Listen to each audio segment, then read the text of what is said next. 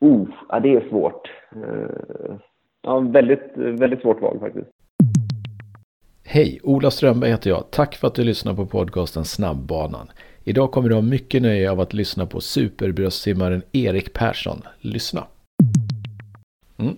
Så kör vi igång. Hej och välkommen till Sveriges eh, snyggaste ljudbildspodcast Snabbbanan som handlar om simning. Idag har vi besök av en person, förmodligen den enda svensken som faktiskt platsar på snabbbanan fast han simmar simsättet bröstsim. Välkommen Erik Persson. Tack så mycket. Mm. Eh, om man gör 2.02 på 200 bröst i kortbana då platsar man på snabbbanan, eller hur? Ja, men det känns eh, skönt att höra. Ja. Du, eh, EM-silver för någon vecka sedan här. Eh, nytt svenskt och nordiskt rekord. Var det väntat eller var du överraskad? Eh, eh, nej, men det är klart eh, överraskad. Det, var, det har ju varit ett mål liksom, att komma upp på, på pallen och även ja, att simma fort. Så jag vill inte säga att det var oväntat så, men såklart eh, lite både och. Eh, tidsmässigt är det väl någonstans, eh, har jag känt att ja, jag har kunnat simma på de tiderna, men såklart var det eh, stort att få kliva upp på pallen. Mm. Vad har du haft som mål liksom på toppelitnivå? Har det varit medaljer eller har det varit tider eller hur har du fokuserat och hur, hur tänker du nu? Nej men det är alltid svårt att eh, ja, gå efter placeringar som man inte riktigt vet eh, hur övriga fältet kommer att simma. Men eh, såklart är det det jag strävar efter, att ja, få komma upp på prispallen. Men eh, rent målmässigt så är det ju tider jag har jobbat med. Mm. Om man hoppar över från kortbana till långbana. Nästa sommar så är det OS. När du simmar OS, vilket du kommer göra, du kommer simma i en final där gissar vi också. Hur snabbt vill du simma då? Nej, men jag hoppas kunna slå min personliga rekord. Eh, verkligen. Mm. Och hur långt räcker det då? 2.07,8 är det så? Ja, det har jag gjort ja. Mm. Eh, så det hoppas kunna förbättra det. Har du någon målsättning på att gå under 2.07 eller det känns väl ganska rimligt om man ändå gör en förbättring, eller? Eh, såklart skulle jag vilja göra det, men det, det krävs svårt arbete. Så det är ju ganska ordentligt dropp ändå, men eh, såklart vill jag komma dit. Mm. Och om man hamnar på 206 någonstans, det, ju, det känns som att på 200 bröst det är 5, 6, 7 stycken som ligger ganska tajt varje mästerskap. Är det någonstans kring 206 som behövs för ja, kanske både att komma till final och vara fightas för en medalj? Eller vad tror du? Till final kanske inte så snabbt, men eh, det vet man ju inte. Men eh, medalj kommer nog absolut vara väldigt snabbt. Mm. Om du väljer mellan kort och långbana, vad är, vad är du bäst på? Jag vet inte. Nu eh, är det väl eh, meritmässigt kortbana, men eh, jag föredrar nog ändå att tävla i långbana. Mm. Varför är det så? Eh, nej, men det har ju varit så alltid nästan för mig. Eh, tycker man kommer in lite bättre i simningen eh, och inte lika mycket avbrott som det är i kortbana, även fast jag tycker det är skoj också. Mm. Och nu när du har gått, gått från att ha ett par, eller ganska många finalplatser på mästerskap och så tar du en medalj. Vad är det som gör att det här sista liksom, klivet har tagits, tror du? Nej, men det är nog eh, ja, arbete under lång tid. Att, ja, jag har förbättrat eh, tekniska bitar och så även eh, träningsmässigt. Eh, utvecklat fysiken under ganska många år. Så det, och sen måste det stämma också när tävlingen väl kommer. Eh, för det är inte helt lätt heller att träffa formtoppningen perfekt. Så det jag tror jag är en kombination av många olika bitar där. Mm. Och just toppningen som du nämnde, hur mycket experimenterar du och hur mycket gör du exakt samma inför mästerskap? Ja, men det har ändå hänt en del för mig med toppning genom åren. Eh, Jo, det, man får experimentera sig fram lite grann, men eh, nu tycker jag ändå att jag har hittat ganska rätt med vad jag behöver sista veckorna inför.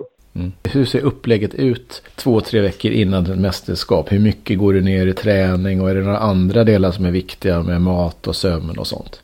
Nej, men det är väl ganska klassiskt. Det är successivt eh, gå ner i volymen och sen försöka höja kvaliteten på, eh, på fart, eh, fartpassen lite mer. Så det, det är inga konstigheter så, utan det är bara man eh, testar runt lite hur lång tid innan eh, som jag började toppningen då. Så det har varit lite olika, men eh, någonstans eh, två veckor ut är kan man väl säga att toppningen börjar på riktigt då. Mm.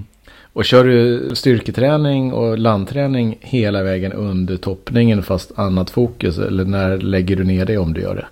Jo, men exakt. Eh, det försöker jag hålla i ganska långt in på så jag kör väl sista passet kanske fem, fem dagar till en vecka innan, eh, innan eh, loppet. Då.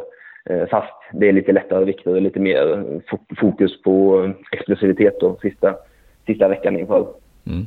Om man går tillbaka till innan själva toppningen börjar, en normal träningsvecka för dig, hur ser den ut i form av antal simpass och eh, landträning och liknande? Eh, det ligger på tio simpass eh, de flesta veckorna. Ibland är det lite mer då man är på läger och så, men eh, tio simpass är ju vardagen och sen är det eh, två eller tre gympass beroende på om det är tävling eller sådär, om det är något tävling. Men eh, vanligtvis tre gympass och sen är det land, landuppvärmning, landpass inför varenda simpass då, ungefär en halvtimme.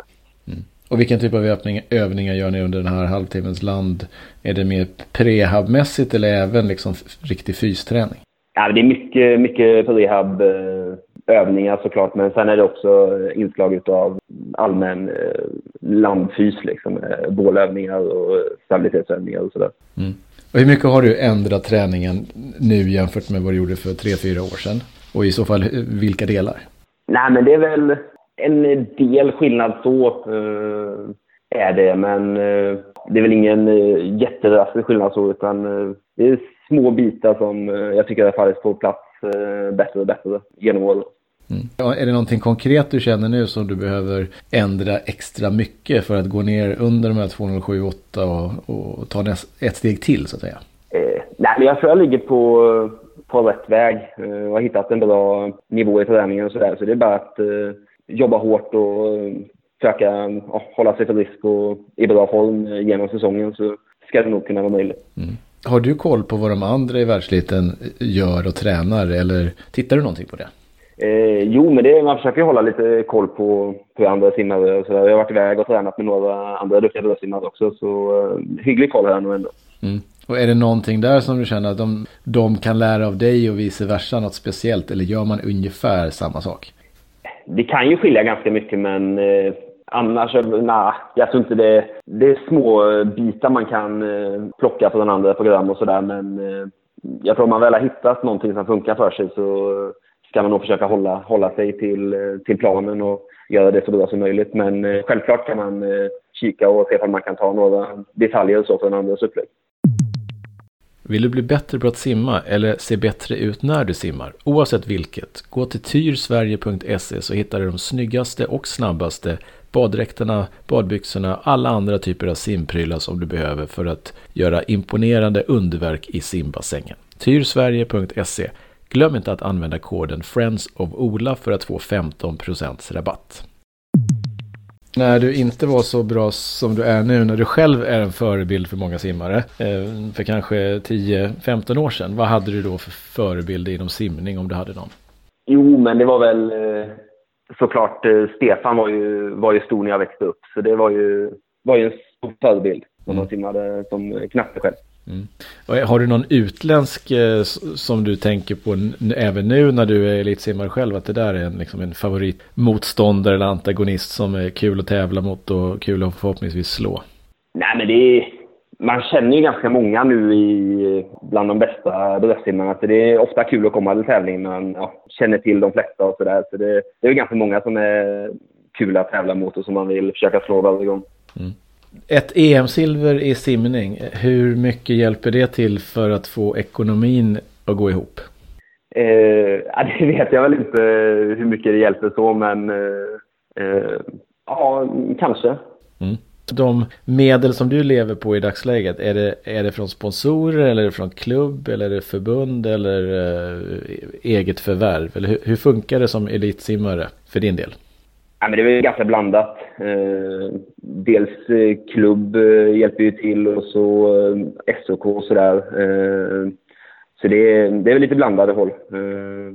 Så är det. Mm. Man, man blir kanske inte superrik av att vara elitsimmare om, om man inte är på Sara Sjöström-nivå. Eh, nej, men så är det nog. Mm. Mm. Om du hade fått välja någon annan sport då, hade du valt, vad hade du valt då? Om du var tvungen att välja inte simning?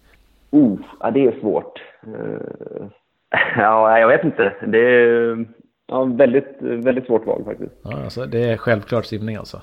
Uh, ja, jag är inte så jättetalangfull i något annat. Jag har svårt att tänka mig uh, hålla på professionellt med någon annan sport så, men... eh, Det har ju ändå gått ganska bra, så det var nog ett bra val. ja, tack. Ja. Har du något tips till dig själv, eh, om du skulle få ge tips till dig själv när du var 13-14 år gammal, med det som du vet nu, vad skulle du då säga till dig själv? Kör på och var långsiktig liksom. Det, ja, det kommer liksom så småningom. Om, man, eh, om man jobbar hårt för det. Och ryktena går ju också att du är väldigt noggrann och ambitiös, stämmer det också eller? Eh, jo, men det skulle jag säga. Och, och då eh, hård och träget arbete så om man har tillräckligt mycket talang så kan man nå ganska långt alltså. Eh, ja, eh, det är klart viss talang kanske krävs i eh, den sporten vi håller på med. Men jag tror att om man jobbar hårt så kan man komma långt hur den ser ut. Är upplägget inför en OS-säsong, är det annorlunda än en vanlig säsong? Eh, nej, egentligen är det inte så annorlunda utan det är väl ungefär här som ett eh, långbane-VM. Eh, det ligger ju likadant i tiden och det är ungefär samma tävlingar ungefär. Eh, skillnaden i denna säsongen är väl att eh, EM går också. Eh, så det är väl där jag ska försöka simma fort tillräckligt för att ta mig en plats till, till OS. Mm. Hur fort måste du simma för att få en OS-plats tror du? Ja, det vet jag inte utan jag försöker hålla mig till planen att eh, simma så fort jag kan och så får jag hoppas att det, att det ska räcka. Ja, men det låter väl bra. Du, en, en väldigt viktig fråga. Du har ju plats då i form av eh, EM-silver så får du en plats även om du är bröstsimmare på snabbbanan. Men eh, får man ha en Garmin-klocka där? Oh, eh, ja men då får man väl satsa. Om man har, om man har pulsmätning på den då, då tycker jag det är okej. Då får man ha det. Ja, ja men då får vi ac acceptera det även om vi är lite avvokt inställda. Men för att hålla lite koll på pulsen. Ja, exakt. Bra, jag är nöjd. Är det någon fråga som du hade, inte har fått som du hade velat få? Eh, nej, inte som jag kan komma på. Nej, då får du säga superlycka till fram mot OS. Ja, men tusen tack. Tack för att du lyssnade på Erik Persson. En imponerande idrottsman som kommer att nå stordåd under OS nästa sommar. Sanna våra ord. Nu, glöm inte bort att gå till tyrsverige.se för att shoppa loss på lite bra simprylar. Använd koden Friends of Ola för att få 15% rabatt.